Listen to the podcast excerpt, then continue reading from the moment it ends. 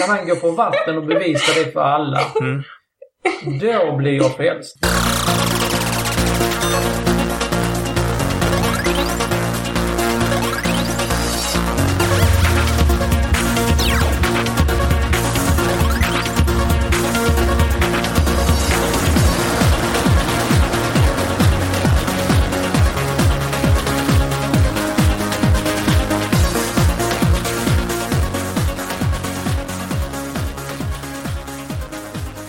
Välkomna till podcasten Mellan svart och vitt.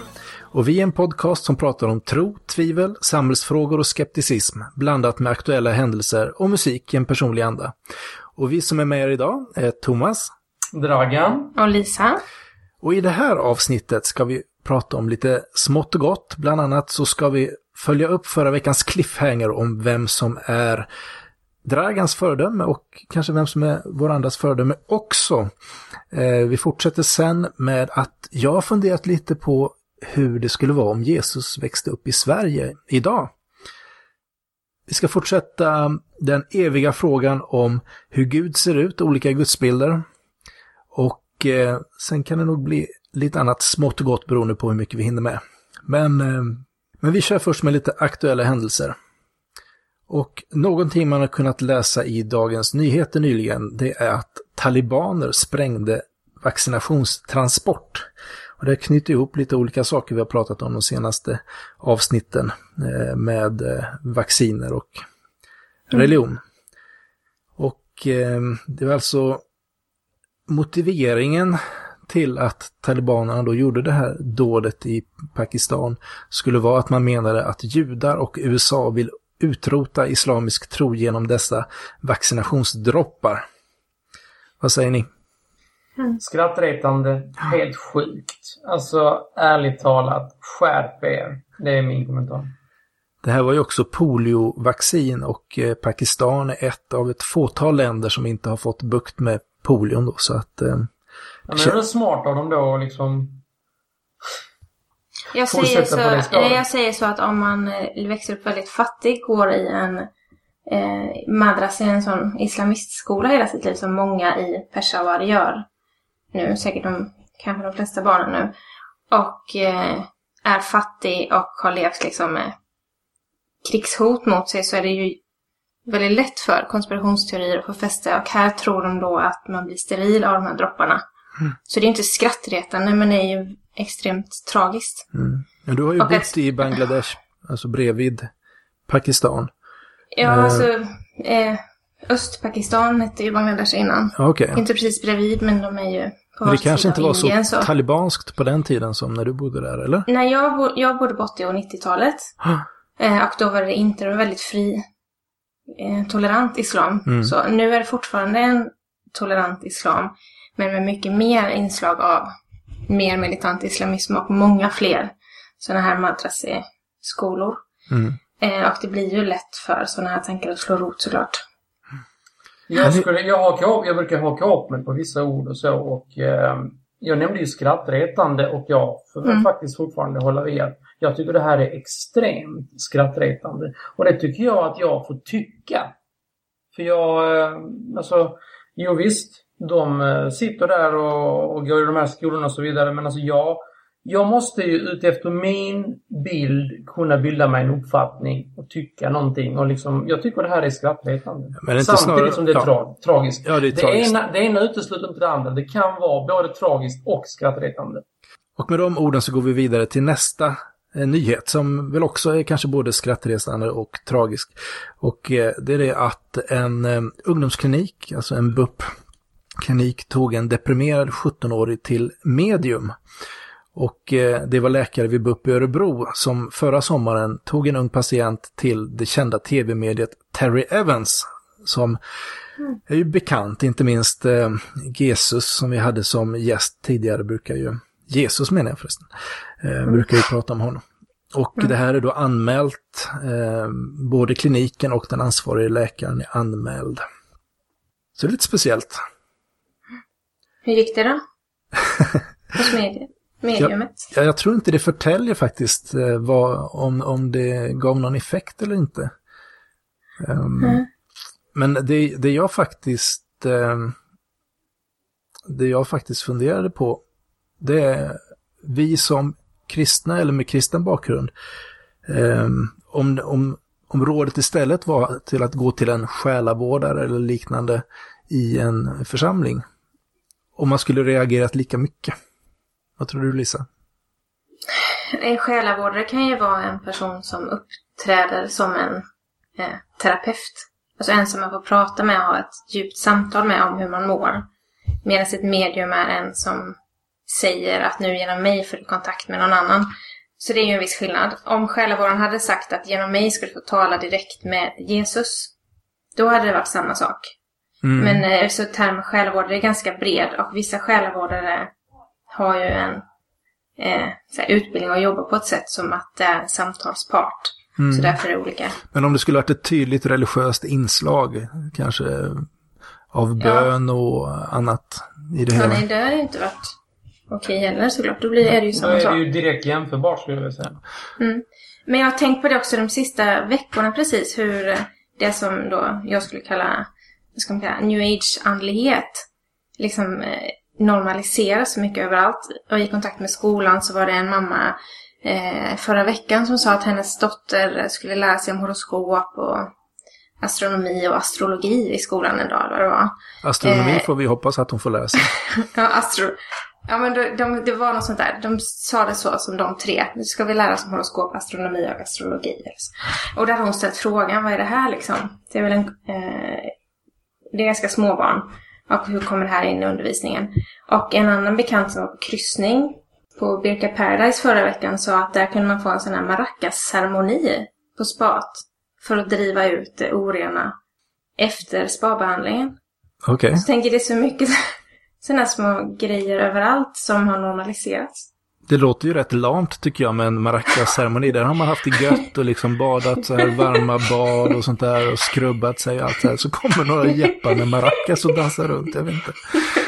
ja, men liksom, ja. Ja, men Inslag. varför inte? Mm. Varför inte? Eh, vi ska gå vidare till våra huvudämnen.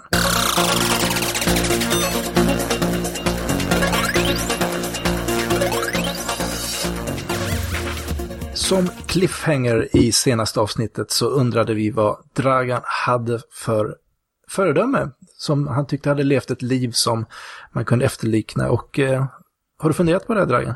Det har jag faktiskt gjort. Jag har funderat en hel del och kommit fram till att eh, det inte är någon alls. Jag beundrar väldigt många för vad de har gjort inom musik, konst, film, forskning, filosofi etc. Men jag beundrar ingen för hur de lever sitt liv. Jag har gjort några försök på personer och kommit fram till att när jag väl rotat i deras liv så kan jag nog inte skriva upp på allt vad den här personen har för sig. Så att eh, nej, det är faktiskt nobody. Vem har ni som föredöme? Mm, jag eh, tänkte på det då efter förra veckan också. Föredöme eh, vet jag inte, men personer jag verkligen beundrar när det gäller hur de lever sina liv. Fast nu, var, fast nu var ju frågan... Ja, eh... Okej, okay, jag säger föredöme. Jag tycker det är väldigt föredömligt med personer som går igenom någonting tufft eh, och sen klarar av att hantera smärtan och att istället för att eh, utstråla bara bitterhet vänder det till att eh, uttrycka sig väldigt klokt och att det kommer andra till del. Och jag beundrar väldigt Astrid Lindgren, eh, Thomas Sjödin, som jag har nämnt innan, som har förlorat två av sina tre barn i en muskelsjukdom och skrivit väldigt kloka böcker om det. Eh, Jonas Helgesson, som jag tycker man ska följa på Facebook och Twitter, som eh, med håller föredrag och föreläsningar om hur det är att leva med CP-skada. Christian Gidlund, det är hans bok och blogg som ett exempel. Eh, och sen är faktiskt, eh, jag tycker att Erik, våran egen tant Erik är också en sån person som har varit med om en sak, sen lyckas vända det till någonting som blir positivt för andra. Mm. Det föredömer för mig. Mm. Men eh, hade jag fått den frågan så hade jag ju spunnit vidare på eh, vad, vem jag beundrar inom musik, konst, film, forskning, filosofi etc. Det var ju inte så jag uppfattade frågan utan det var ju ett liv.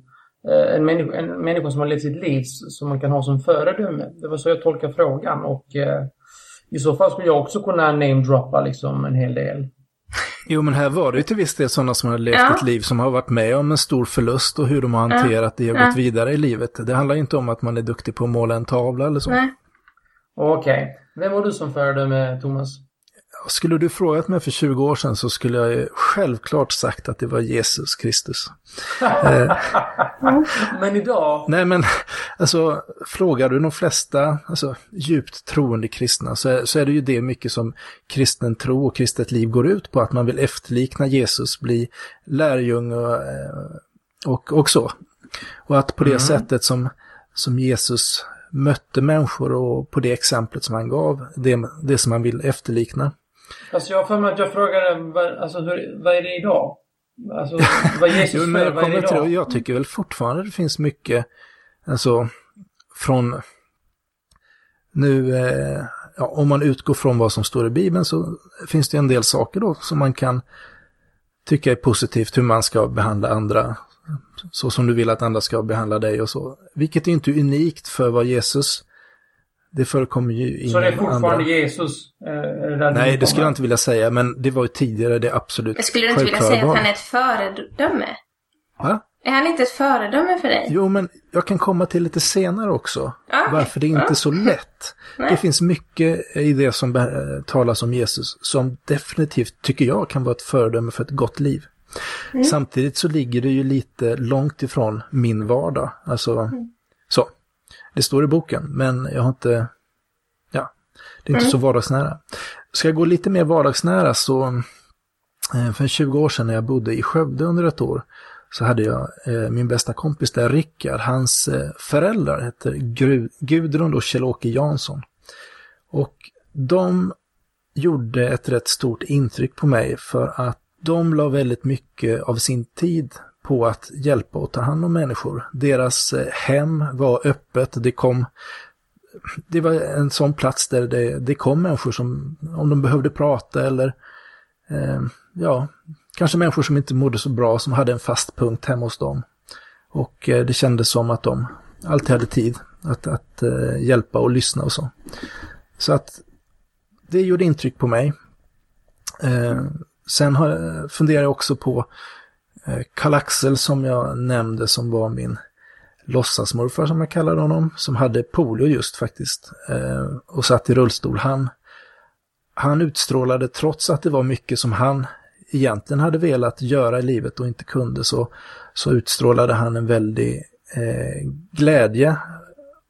Och eh, han var en glad skit helt enkelt. Och han, han, eh, han gjorde det bästa ur sin situation. Och som jag sa, han var, han var i OS i Tokyo med bågskytte och han musicerade och allt möjligt liksom. Eh, hade mycket kontakt med ungdomar och, och var ute och pratade och sånt där. Så att, eh, och ja, jag beundrar också människor som är spontana och vågar, vågar liksom kasta sig ut i det okända. Jag har inga kanske jättebra exempel på det, men eh, jag tycker titt som tätt så stöter man på människor som kan inspirera en på ett eller annat sätt. Men jag har ingen, jag har ingen person kanske som jag kan säga att hela hans liv är ett, eh, en ledstjärna för mig eller så. Men då är vi ju på samma nivå där. Kanske det. Men då är det ju att man inte, att det inte ska vara en människa, då måste det ju vara Gud. Så ni var inne på att om, om det är någon som aldrig gjort något fel, om man kan ha allt den har gjort som en ledstjärna. Nej, Thomas. Nej men vad jag menar Dragan, det behöver inte vara, du sa att när du hade tittat på personer så, så såg du inte att det var någon som riktigt höll måttet fullt ut. Nej. Och så tror jag det är med alla människor. Det går inte att hitta någon som är, är perfekt och som du kan se att den här personen vill jag exakt efterlikna på alla Helt sätt. riktigt. Och då stannar det ju i vi specifika saker som de har gjort som har imponerat. Ja, alltså, fast det kan ju mer vara hur de har levt sitt liv än, än just eh, det vi pratar om där med musik, film, kost, konstforskning. Ja, alltså specifika delar där de har utmärkt sig som man beundrar. Liksom. Man beundrar inte hela livet. Liksom. Nej, men på, på det sätt de lever sitt liv kanske jag tänker. Ehm, Okej. Men i alla fall, vi går vidare med det kanske. Jag har funderat lite och jag tror det började i och med att jag har fortsatt att lyssna på Jonas Gardells eh, bok om Jesus i ljudboksformat. Och eh, där målar han ju upp lite, rätt tydligt. Han försöker måla upp bilden hur det faktiskt var när Jesus beträdde marken ner i Israel. Ofta så har man ju rätt så förenklade bilder, flanellografbilder av hur saker och ting gick till Eh, när han red in på en åsna i Jerusalem eller när han rensade templet och, och så. Men det är ju rätt så små begränsade bilder och Gardell han målar ju upp det här egentligen till exempel när det gäller templet, hur ofantligt stort det var och att det kanske var hundratusen människor där. Ändå så har man bilden av att Jesus liksom tog och liksom rensade ner, re, rev lite bord och sånt där, att rensade hela templet typ. Men att det kanske var en rätt så liten, alltså de flesta som var i templet kanske inte märkte det överhuvudtaget. Um, jag vet inte, kanske andra som ser det på andra sätt, men... Nej, det var väl säkert en tisdag för vissa. ja, det var kanske en tisdag. Eh, eller en lördag. Men eh, då funderade jag lite på, ja men hur skulle det se ut egentligen om Jesus hade fötts i, i Sverige? Och eh, det är ju också så här lite märkligt, alltså varför kom Jesus egentligen i en tid där många inte kunde läsa och skriva?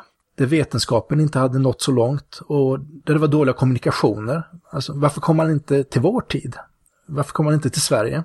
Och om vi tänker oss då att Sverige på något sätt är en, ungefär som Israel, det är långsmalt och sånt där på samma. Då, då skulle väl motsvarigheten till Nasaret skulle nog vara Gällivare. Så Jesus var alltså norrlänning. Um, han kanske då gick träteknisk linje, Eh, började som lärling på sin fars eh, snickeriverkstad i Gällivare. Ehm, och eh, om vi tänker oss att han är i slutet på sin verksamhet här så skulle han väl vara 32 år. Mm. En 81 alltså. lika gammal som till exempel Elijah Wood som spelar Frodo.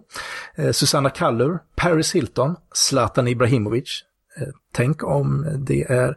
Och Britney Spears eh, två frälsarfigurer faktiskt, både Frodo och Zlatan, eh, skulle då vara jämnåriga med Jesus. Och det skulle ha varit så att större delen av hans uppväxt då hade varit ganska tyst om honom. Han hade varit uppe i Gällivare och ingen annan här hade hört talas om honom. Men sen någon gång där, när han var lite, jag vet inte vad han var, 7-8 kanske, så var han nere på någon stor, kanske kristen konferens, Nyhem kanske, eller en religiös konferens. Och han gick upp och vittnade på ett möte och alla var så imponerade över hans bibelkunskap i så ung ålder. Eh, men sen för två år sedan, 2011... Men vänta, vänta, vänta. Om, om, om Jesus kommer nutid, då, då har han ju ingen bibelkunskap. Nej, alltså ser man... Eh, alltså motsvarigheten är ju att i... i Eller skulle han komma en gång till då? Ungefär så i den här leken. Ah, okay. Ungefär så i den här leken. fortsätt, fortsätt. Alltså i Bibeln så, så eh, kommer Jesus till templet och eh, undervisar ur skrifterna eller pratar om skrifterna. Och då är det gamla sköt. testamentet. Ah, har du menar så ja. Ja, okay. precis. Alltså han kommer en gång till eller? Ja, men vad vi säger att han kommer, han kommer till ett sammanhang som vi är bekanta med. Och för, din och med, för din och min del, Lisa, så får det ändå vara frikyrkligheten. Mm. Jag måste bara fråga Backe här. Kommer han för första gången eller kommer han för andra gången? Ja, han kommer för första gången. Det är första. Mm. Eh, typ. Judendomen härjade till och med ja. nu. Nu ska det sektiseras här liksom. Ja, men jag sitter här med peruk. Jag sitter med peruk. Ja, precis. Men tänk dig att vi är, vi är frikyrkligheten precis som den är nu. Fast, fast Jesus har inte kommit. Så. Mm. Uh, men allting är ändå som det är liksom.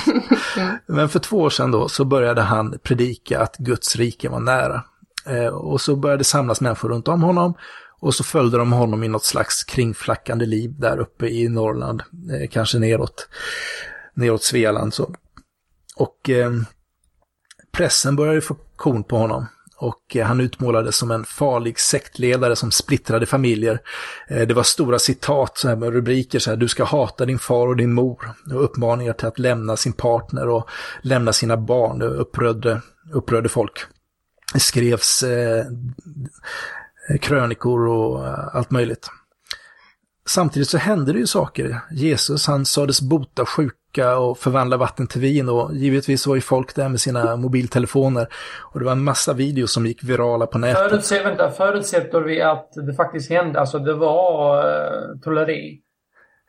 Ja. Han kunde trolla, ska vi förutsätta det? Mm. Ja, vi förutsätter Ja, att han, okej, han att, att han kunde trolla, trolla. okej. Att, det, att det hände Shoot. väldigt Mm. Märkliga saker. Han kan liksom. trolla på riktigt. Det är ingen illusionist. Ja. Det är. Samuel, det är Samuel Varg Thunberg. Ja, Mm. precis. Nej, men där är ju också frågan. Eh, så, om, man, om man läser Bibeln, vad ska man säga, och, och tar den på sitt ord, så tycker de ju inte att det är något konstigt att det händer under, utan Jesus var ju en mirakelmakare av flera egentligen då. Eh, men givetvis skulle Jesus gjort det här i, i nutid, då skulle man ju direkt vilja ha evidens på vad som händer. Självklart. Givetvis, givetvis.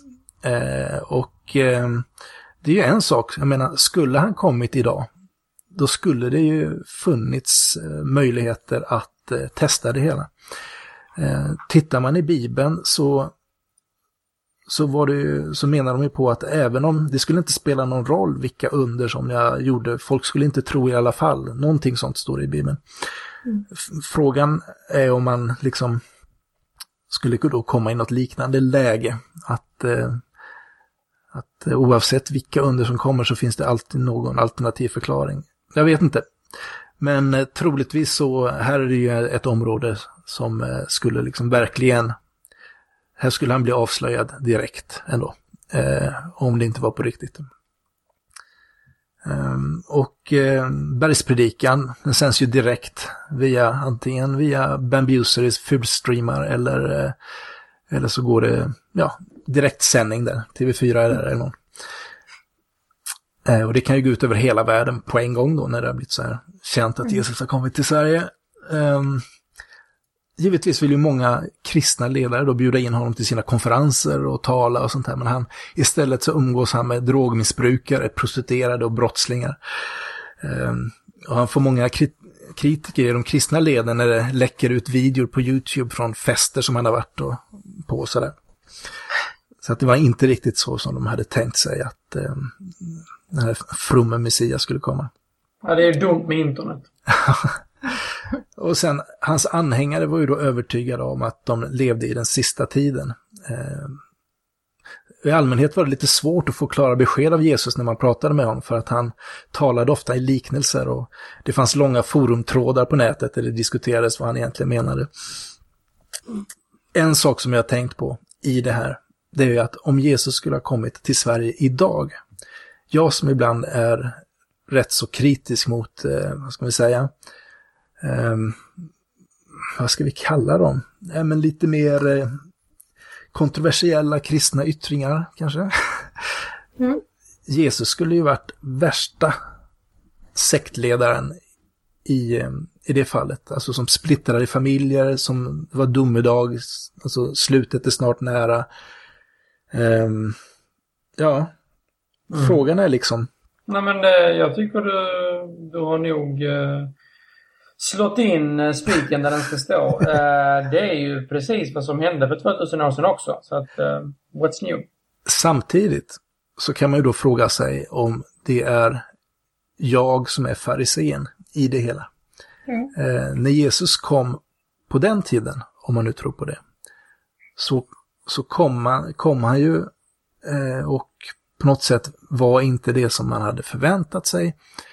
Han, när jag lyssnar på Gardell så menar han här att han, han bryter upp strukturer som finns i samhället som gör att folk inte är lika mycket värda och sånt där. Och han ja, vänder upp och ner på saker och ting och att, eh, att det är de utsatta som är de som, eh, ja, det är de som behöver, eh, behöver hjälp, som ska få hjälp och så vidare. Ehm, för det är ju inte bara det här som, som skulle vara en del, utan det, samtidigt så skulle givetvis eh, det här att se de svaga i samhället och, och komma med upp, eh, uppmaningar till att vi ska älska varandra och sånt där. Jag vet inte, har ni några andra Jag reflektioner? har antecknat men jag vågar inte bryta in. Nej. Jag tänker först alltså, varför kom han då och inte nu när vetenskapen inte var så utvecklad? Jag tänkte jag få citera en eh, klok person som jag också beundrar, mig själv. Då skrev jag häromdagen så här eh, att det är en slippery slope mellan att ta sitt förnuft till fånga och tas till fånga av sitt förnuft.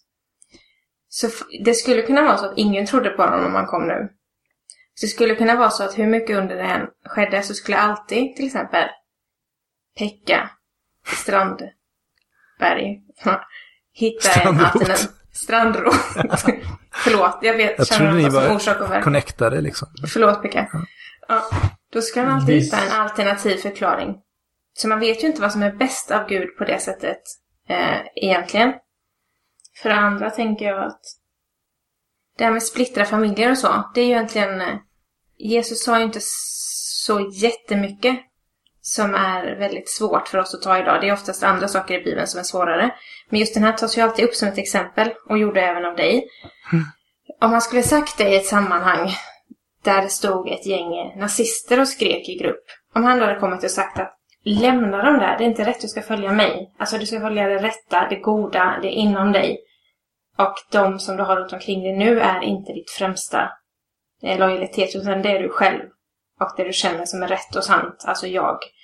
Eh, då är det inte så kontroversiellt. Så i vissa sammanhang är det någonting man behöver höra.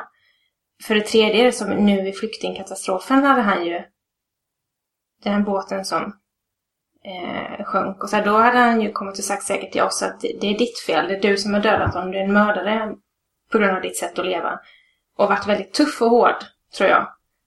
Eh, och ibland då med rätta. Så allt beror ju på vem han sa det till och eh, varför.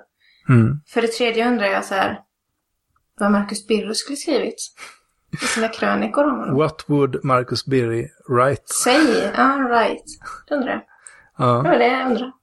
Nej, men det är klart, man kan ju fråga sig vad skulle han angripa i vår Mm. tid, i våra liv?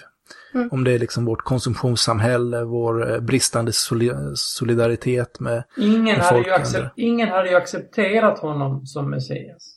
Förstår ni inte det? Han hade ju sett som en psykiskt sjuk människa. Men vad skulle krävts för att man skulle acceptera honom som Messias idag? Idag, eh, ja, att han kan trolla på riktigt.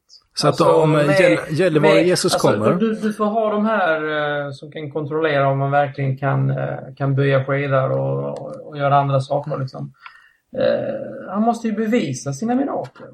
Men det innebär då att om det kommer en eh, trollerikille som kan trolla på riktigt, som kan göra saker som, som Då man kan liksom... frälst.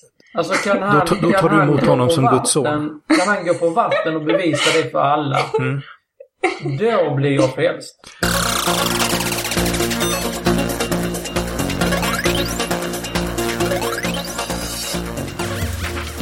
Dragan, vi har fått en eh, liten kommentar på Facebook. Det stämmer bra det. Via Facebook undrar Henrik Holmberg angående hyckleriet kring eh, bilden av Gud. Han eh, skriver så här.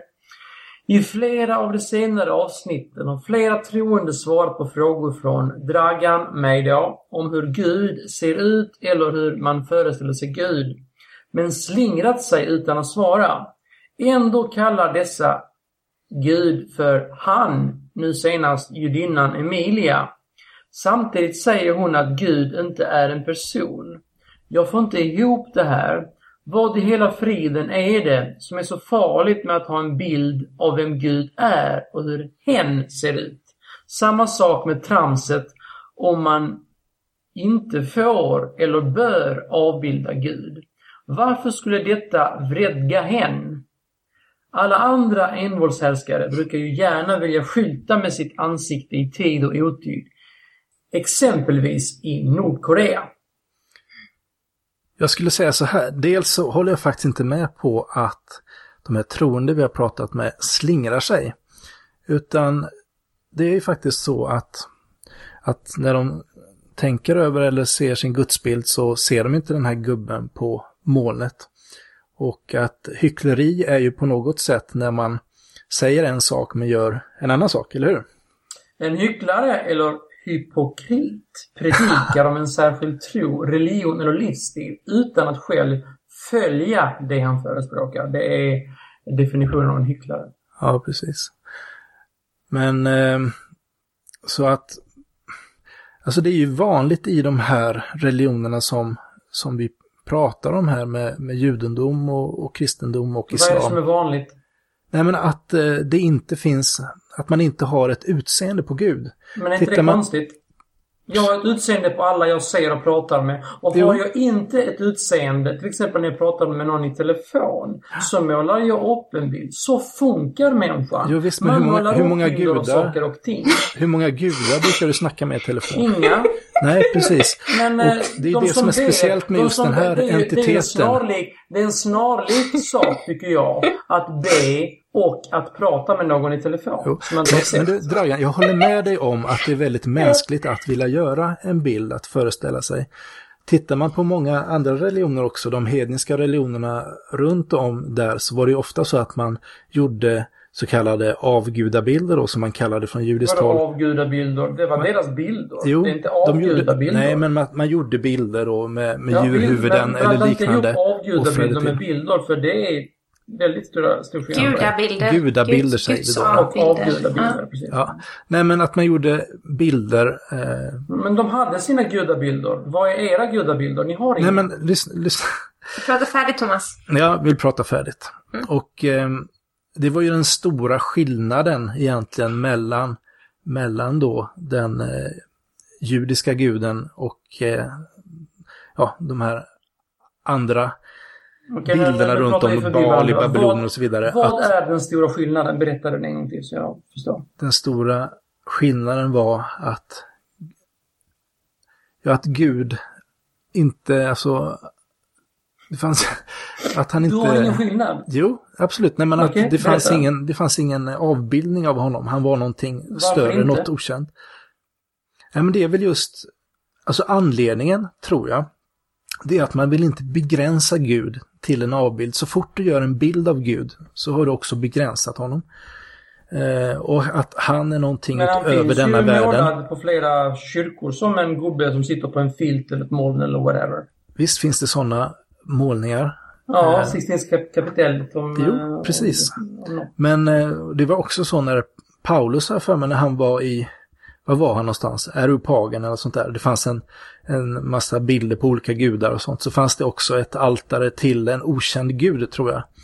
Och det tog han fasta på då och, eh, och förklarade att den här guden som jag pratar om det är den här okände guden som eh, de inte hade någon bild på. Det var det han kunde relatera till när han pratade med greker eller romare eller vilka det nu var. Thomas, Men- Thomas, vad var din gudsbild när du var liten? Jo, men det är ju så här också. Det, det har ju med att göra... Det är ju skillnad på en barnatro. Eh, Men okej, vi, vi börjar med barnatron. Vad Ja. var din bild när du var liten? Det minns jag inte. Men det är mycket möjligt att det var eh, en gubbe på ett moln. Jag vet Okej. inte. Och nu så finns den inte? Alltså, det, det, det, du, alltså nu, ja, nu, nu är din tro väldigt svag. Jo, det men kanske är- överhuvudtaget, det är väl en massa saker när man är liten som man, som man kanske har en väldigt förenklad bild eh, av. Ehm, och när man blir äldre eller funderar över det hela, att man, ja, tänker annorlunda.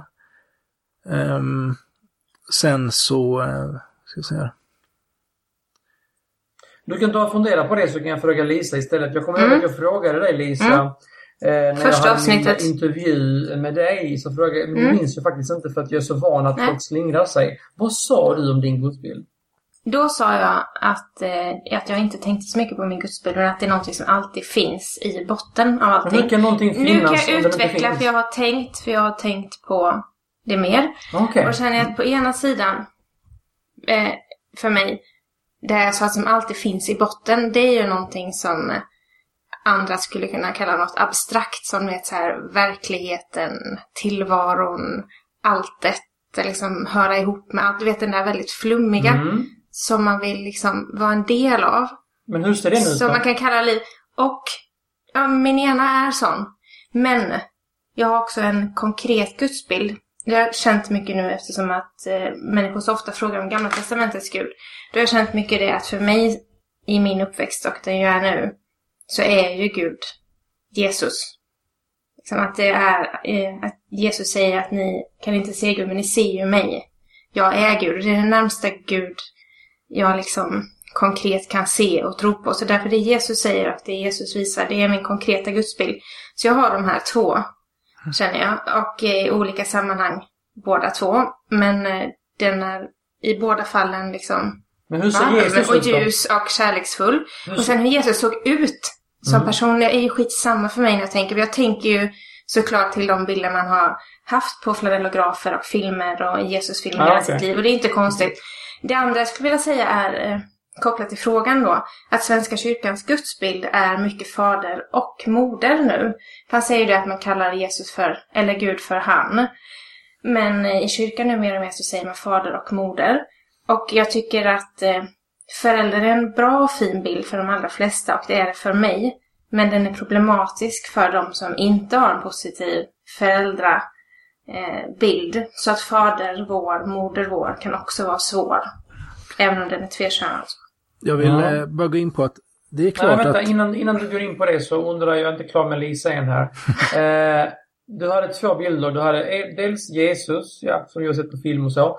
Sen hade du en abstrakt, men alltså även en, en abstrakt eh, målning ser ut på ett visst sätt. Hur ser din abstrakta målning ut? Men det som jag ska fråga dig, hur ser liksom Hur ser kärlek ut? kärna ut? Hur ser det du landar i liksom eh, i dig själv ut? Hur ser själva tillvaron ut? Hur ser själva verkligheten ut? Hur vänta, ser du- själva du sanningen du du är ut? Kristen, du är kristen, du hör Guds Det är det ord. ena och det andra är Jesus. Så det är en, en väldigt abstrakt som är liksom själva kärnan av tillvaron. Det finns en annan som är Jesus som person och den han var. Och sen så vad jag ser framför mig med ögonen är inte det viktiga. Men du måste acceptera, Dragan, att, att det finns, som vi har pratat med, de allra flesta troende vi har pratat, muslim, ortodox, kristen, judendom, har inte den enkla eh, gudsbilden som du har fått för dig att folk har. Men jag, jag tror ju inte på Gud så att jag, alltså jag, bara undrar och frågar och, och liksom försöker liksom eh, förstå. Mm. Men, Mm. men på något sätt så vill man ju säga att Gud är på något sätt större än allt det som vi kan se och föreställa oss. Mm. Eh, och att det är han som har, har liksom skapat allting som, som finns runt om hela universum och så. Och utifrån det så kan vi inte reducera honom till vad en, skäggig gubbe på ett moln som vi kan rita på ett eh, papper liksom. Visst, vi kan ju rita hur vi tänker och fantiserar och sånt där, men det är ju inte Gud. Jag tycker inte det är mänskligt att tänka så. Nej, jag håller med dig om att det är väldigt mänskligt och det är därför jag menar också att det är väldigt mänskligt att göra sig bilder och så vidare. Det är också mänskligt när man skriver en bok att på något sätt relatera till, till sin gudsbild. Och vi har ju en bok eh, som heter Bibeln då, som människor i olika tider har skrivit. Och där ser man ju att från början då, det I den, pratas bo- då... I den boken finns det mycket, alltså eh, Gud raljerar, Nej, men vad är vi komma till här? Om jag får ta det från eh, Och så början. vidare. Det står att Gud skapar människan till sitt, sin avbild. Han skapar Adam, en man. Mm. Så va? Eh, först i alla fall, om man ska bara läsa liksom bokstavligt innantill. Så. Ja, ja. Ser man sen då så finns det ju, eh, vad ska man säga, väldigt många, både orden eh, som står ibland Adonai och Elohim som syftar på Gud är maskulina ord. Eh, herren eh, är min herde, han för mig på vägar, eh, står det i psalmerna. Senare så kommer då Jesus som en man. Eh, så att det finns det väldigt många bilder eller ord kring Gud som är maskulina. Och eh, troligtvis är det väl så att det är väldigt färgat av att det är en patriarkalisk miljö, att de som har skrivit alla böcker i Bibeln Fast nu är gick du, män. nu, nu gick du vidare med, med frågeställningen. Vi, vi, vi var inte klara med det här med bilden. Jo, men, Men allt det var ju bilder. ja, men allt allt, var ju nu bilder. pratar vi ju om Men nu huruvida pratar det är om någonting och hon maskulint. liksom. Eller hen Ja. eller vad det ska kallas Ja, men det är väl en del av det var bilden. frågan. Du säger ju att det är en gubbe på ett moln och då säger jag att ja, visst, det nej, finns en nej, massa... för, för, alltså hans finns- fråga, alltså Henriks fråga var ju Mm. första, första, för, första frågan var det här med hur bilden, hur gudsbilden ser ut, att man så att säga slingrar sig kring den. Sen var nästa fråga varför det är en han och inte en hen. Ja, precis. Och det första jag har sagt Det är nu det är att man slingrar sig inte utan man har en annan gudsbild. Sen det andra, man kallar Gud för han. Och då tar jag upp här att i Bibeln, som har en väldigt central roll för de troende, så finns det en massa manliga referenser till Gud och, och bilder då, som fadern och herden och eh, det ena och det andra. Sen finns det ju andra, jag förstår gudsnamnet det här, eh, JHVH, eh, tror jag inte är könbestämt och eh, det finns andra ord som visheten och eh, så som, som har feminint, alltså om man tittar i grundtexten. Och så där. Jag, bara, jag, jag haffade en teolog här eh, när jag hämtade på skolan och han hävdar också att den heliga ande eh, kunde liksom tolkas feminint, att vissa syrier och sånt där gjorde det. Nåväl. Um... Ja, Henrik går även in på och gör paralleller med Nordkorea. Med tanke på att uh, i Bibeln så är det mycket raljerande liksom och uh, fördömanden från den här guden. Och, och de här, och det intressanta är ju faktiskt där att uh, de här envåldshärskarna brukar ju verkligen skylta med sitt ansikte. I ja, tid det... och i otid, precis som Henrik säger. Så därför det verkar det vara en fundamental, med... därför verkar det vara en fundamental skillnad i hur Gud vill eh, visa sig och hur eh, envåldshärskarna i Nordkorea visa sig. Va? I så fall. Jo, men... Behöver vi diskutera om Gud är likadan som Kim Jong-Un och Kim Jong-Il eller inte? Eller är ja, vi diskuterade det i ett avsnitt för länge sedan. Ja. Jo. Mm. Då har ni gjort det kanske? Ja, det har vi gjort. Men, eh, men sen, sen så är det så, tittar man på muslimerna då. Muslimerna och judarna, det är ju de som är allra mest noggranna med, vad jag vet i alla fall, att man inte ska avbilda Gud. Eh, mm. Och de kritiserar ju kristendomen dels för Jesuskulten då. Jag menar Jesusfigurer och kors och sånt där. Och, och helgon finns ju också inom kristenheten. Och, det menar man ju är ett tydligt exempel på då av avgudadyrkan. Då helt enkelt. Eh, och det är ju även då varför man inte vill eh, att man inte vill avbilda Mohammed är ju också för att man att man inte att det är så lätt att när man väl har avbildat någonting att man sen går över till att ge det för stor betydelse och ja, att man till viss del tillber den avbild man har gjort istället för att tillbe Gud. Ja, jag ja. har ju som sagt en... Uh, jag, jag förstår inte hur ni tänker där men... Uh, men acceptera. Ja, vi, vi lämnar det. Vi får nog ja. kanske... Ja. Vi får nog kanske sätta lite punkt för det här med gudsbilder för ett tag ja. framöver. Det, vi har lite olika uppfattning jag och eh, de troende. Ja, de säger vad de eh, tror och du mm. tycker det är konstigt. Det, det, känns lite grann som ett hyckleri mot mänskligheten, men det kan vi ta i ett annat avsnitt. Ja. Mm. Lisa, du hade snappat upp någonting i, den, i dagen. Ja, nu sitter jag och prasslar med en papperstidning och då vet jag inte dagen. Eftersom jag har sagt att jag har papper. Men har du inte den bara en dag i veckan eller? Jo, men här snodde jag faktiskt från jobbet. Ja. Där finns alla tidningar. Um, jo, då hette rubriken så här, Förfrälst för ett jobb? Frågetecken. Och så är det en, en uh, antropolog som har skrivit en bok, Nätsmart. Och så säger hon hur man ska uppträda på nätet och inte uppträda om man vill ha chans att få jobb. För att man ska tänka på att arbetsgivare kommer ju googla och se liksom, och är man för märklig och konstig Eh, då blir folk rädda för och då får man inget jobb. Och då står det till exempel att det inte är så bra att prata om sin sexualitet och om alkoholvanor och sånt där på mm. sociala medier. Och inte ha väldigt starka åsikter om barnuppfostran. Men inte heller prata om sin religion. För här, Om man vill berätta att man är troende då ska man vänta det tills man sitter öga mot öga i en anställningsintervju. Och det är för att eh, det är så viktigt nu för tiden att det funkar bra i arbetslag och arbetsgrupper. Och då är de helt enkelt rädd för en för att eh, arbetsgivarna tror att man är en sån som skapar konflikter. Så frågar de henne i artikeln så här att om, om en arbetsgivare ser någon skriva Halleluja, Gud har bön på sociala medier. Och så fattar de inte att man är ironisk. Nej men då svarar de så här. Jo, om det är på sin privata status på Facebook så eller en kristen diskussionsgrupp, då är det inga problem. Men om man skriver halleluja Gud har bön på den professionella nätverkssajten LinkedIn då skulle jag betrakta det då är det som att man inte har bra Lisa, omdöme. Sa du LinkedIn? Vad ska jag säga? LinkedIn? LinkedIn, ja. ja du är inte ens med på LinkedIn. Är du inte med på LinkedIn? Det tycker jag du ska Nej. Så kan vi koppla Nej. ihop oss. Det blir härligt. Men... Ja. Eh, ja, då är det kört för oss med andra ord. På LinkedIn. på LinkedIn. LinkedIn. Uh, ja, och då så... Jag tycker, alltså det är ju märkligt liksom. För det är ju väldigt svenskt det här att liksom håll det för dig själv. Lite så som vissa heteropersoner säger om homosexuella tycker att håll din sexualitet för dig själv, det gör jag. Så lite som att håll din religion för dig själv, det gör jag. Eh, och det känns väldigt... Eh, Alltså man kan, ju, man kan ju faktiskt fråga sig hur mycket de heterosexuella håller sin läggning för sig själv på jobbet. Nej, det är det jag menar att man inte gör. Nej, för man precis. pratar ju om sin... Om man, då har man inte förstått vad sexualitet är. För man, Mm. man delar ju sin sexualitet med andra bara man pratar om sin man, om sina Ja. barn och allt så här. Ja, men, eh, Och så kan det ja. också vara med religion och det passar väldigt dåligt in i liksom en globaliserad eller multikulturell Sverige värld att hålla det religion för sig själv. I, I Sverige Nej, kan vi inte nej. prata om religion på jobbet. Det funkar Men inte. det är ju så det var ju här, så vi tänker- började Dragen. Annars skulle det inte blivit en podcast, inte med dig och mig i alla fall. Ja, men om vi vi inte är pratar religion på ja jobbet. du. Ja, du det, alltså, men det, du får väl hålla med om att det är väldigt ovanligt att göra.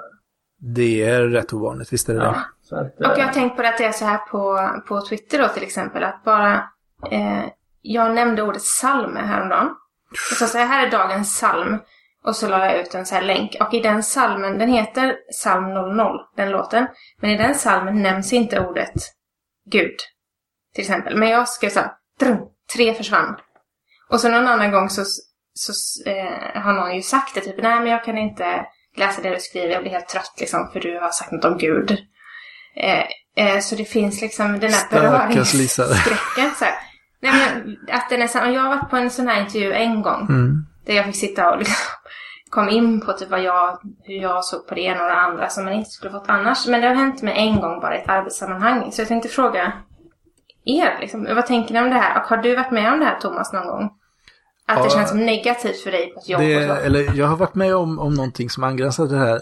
Jag tänkte bara säga först att det, det är ju därför jag tonar ner min tro så här. Eh, för att liksom, jag behöver ju ett nytt jobb. Så, här, så ni får inte säga att jag är superkristen och jättefrälst. ja, men det vet vi alla inte håller på att är starta Mm. upp en ny sekt och bara ta över. Okej. Men... Jag eh, skriver det på LinkedIn. Okej, LinkedIn. Skriv inte det på LinkedIn. Eh, Nej, men eh, så här. Men jag tror säkert att det kan påverka. Märker man att någon har extrema åsikter, religiöst eller politiskt eller något, så tror jag definitivt att det kan vara någonting som drar ögonen åt sig. För att alla googlar sina, de som ska anställa, det är jag helt övertygad om. Det är, Så är det. Eh, däremot så, jag råkade faktiskt ut för en sak för, hur många år sedan kan det vara? En Sju, åtta år sedan. Och det var ju, jag vill säga, innan, eh, innan man var så aktiv på sociala medier som man är idag. Och då är det så här att i mitt CV så står det ju att jag har läst eh, lite kurser på universitetet. Bland annat har jag läst eh, två år religionsvetenskap. Eh, och det såg han ju i mitt CV och då frågade han liksom om jag var religiös eller så. Eh, och jag sa väl, jag svarade väl ärligt på det och då var jag väl lite mer troende än vad jag är idag också. Ehm, och då började han, jag vet inte om han sa så här, att, ja, kommer det bli ett problem eller? Eh, Oj, det här var en rekryterare alltså. Eh, oj. Och sen så undrade han också så här, eh, ja så här om hur jag skulle, ja om vi skulle gå ut med jobbet så här, om man skulle dricka och så där, hur jag liksom, ja, om jag liksom kunde hantera en sån situation och så där.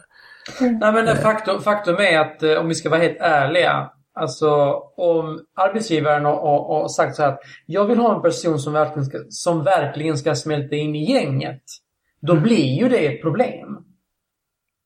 Ja, om alla är, om alla är kristna kan det bli ett eh, problem på andra men hållet. hur många arbetsplatser är det så? Alltså vi lever i Sverige, det är det mest Jo, det- avkristna. Ja, till exempel om man skulle söka jobb i Svenska kyrkan. Ja, men hur ofta gör folk det? Nej, det är inte Jag ofta. känner till några sådana arbetsplatser. jag. Ja. Ja, men om vi ska vara ärliga. Det är ju inte liksom någon större Nej, majoritet det är ett av undantag. arbetsplatserna i, i, i Sverige. Däremot vet jag, jag vet en leverantör till, um, pappa hade eget företag, så var det en leverantör där som faktiskt ehm, nästan bara hade Jehovas vittnen som eh, anställda. De ja, som hade det är företaget, återigen ett stort undantag. Jo visst är det det, men där sa de att de var väldigt plikttrogna och liksom skötsamma och ja, gjorde bra ifrån sig. Så att där var det, där hade de väl tyckt att det var en, liksom en kvalitetssäkring. Oj. Eller så. Jag hade nog inte sett det som en kvalitetssäkring. Oavsett eh, hur de presterade. Var det en fråga till mig? Ja, Ehm, alltså hade jag haft ett företag, ehm, te- tekniskt företag liksom, eh, Och alltså jag, jag, hade, jag, hade, jag hade sett det som som ingenting. Mm. Alltså, bara det inte liksom kommer i konflikt med, med jobbet så är det lugnt med det liksom. Men liksom, jag hade inte sett det som något positivt. Nej, men så... Eller något negativt i och för sig, men... Mm. Jag men hade jag inte sett det som jättepositivt, men liksom, ja, alltså det är inget avgörande. Nej. Nej. Nej, precis. Men det är nog känsligt i Sverige, tror jag. Religiösa och eh, att söka jobb. Mm. Beroende på hur religiös man är för sig. Och, men, Ja, och i USA kan det säkert men vara tvärtom. Nej, jag tror att det inte är så faktiskt. Vad sa du? Inte så beroende på hur man är, utan just liksom själva kopplingen. Att om en person säger att jag är med i den här frikyrkan så tror inte jag... Alltså det är lika känsligt då, även om man inte är extrem. Så det är känsligt bara att vara med tror jag faktiskt också. För vissa människor. Mm. Så det var lite intressant ändå. Det var det. Eller inte. Klipp bort det annars. Nej, här klipps inte. Ska vi, ska vi nöja oss så? Vi nöjer oss med det och går iväg till veckans citat. Vi börjar, nej, vi börjar faktiskt med veckans förnuftiga funderare för där tycker jag jag har någonting att komma med med tanke på att vi just har haft en eh, diskussion och med tanke på den här diskussionen som vi hade om gudsbilden så kommer då följande citat och det lyder så här.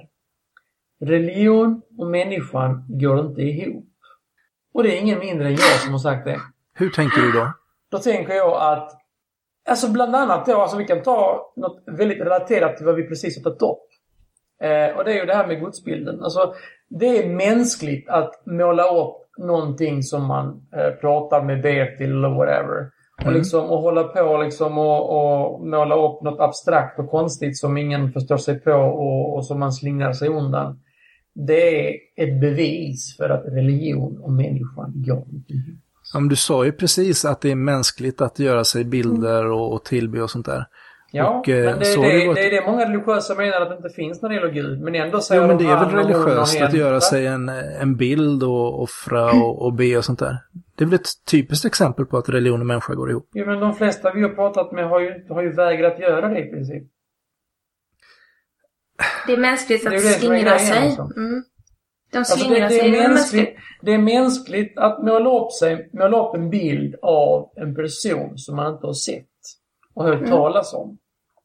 Men det är inte mänskligt att beskriva det här nu som...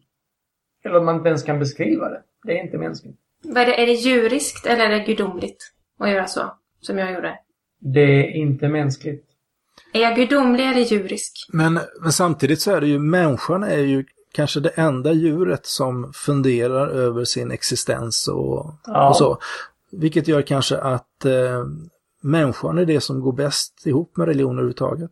Nej. Det är det enda som går ihop med religion kanske. Nej, så nu gav jag så att säga en grej och det var det här med, med bilden. Sen så finns det ju allt det här andra med att liksom hitta på en massa trams och försöka, och försöka övertala människor och så går vissa på det. Alltså hela det är ju helt förkastligt.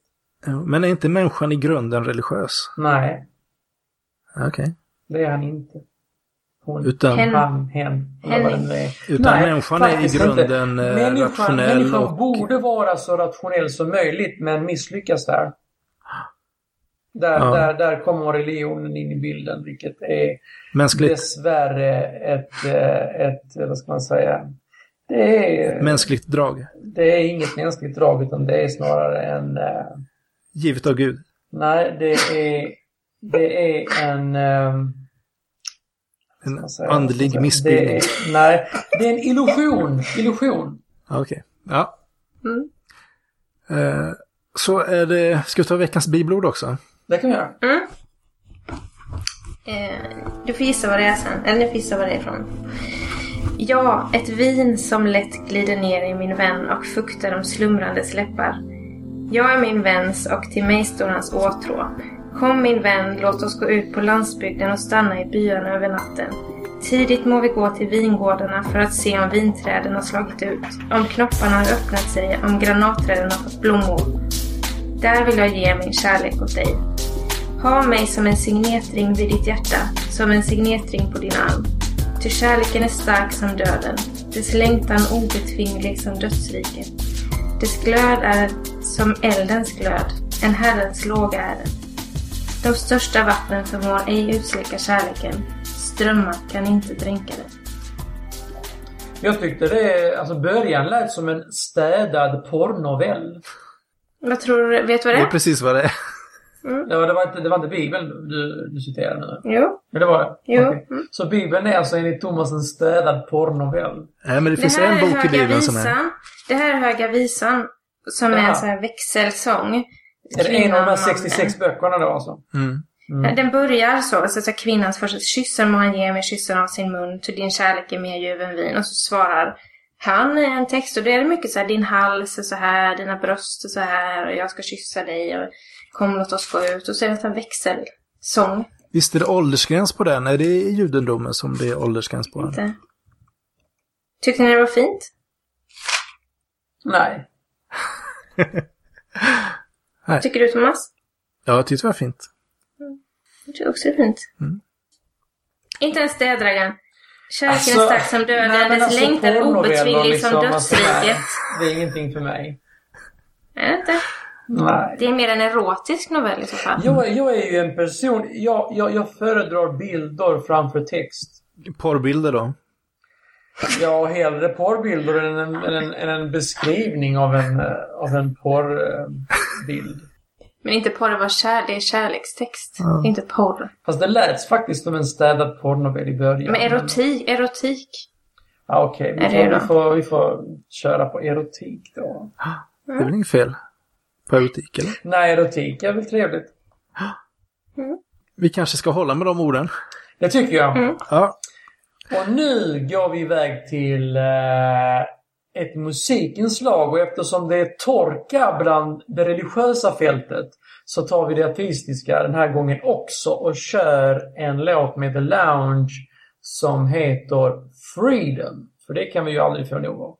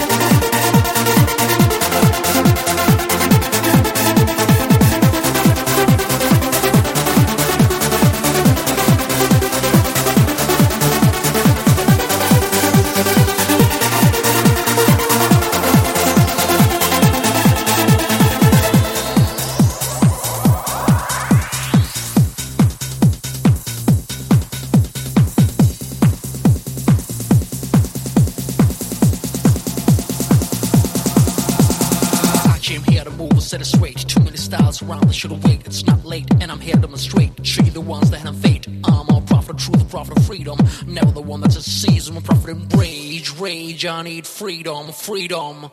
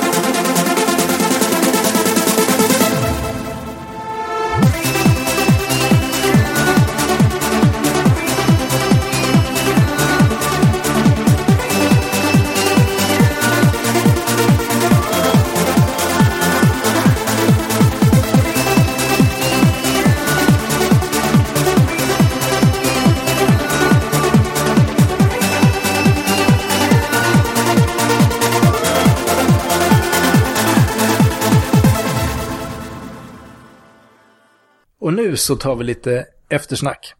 Och vad har vi nu lärt oss? Jo, eh, vad jag har lärt mig idag eh, på det här avsnittet det är att Bibeln innehåller en städad porrnovell. Det är vad jag har lärt mig. Vad har du lärt dig Thomas? Och det är lite positivt, eller?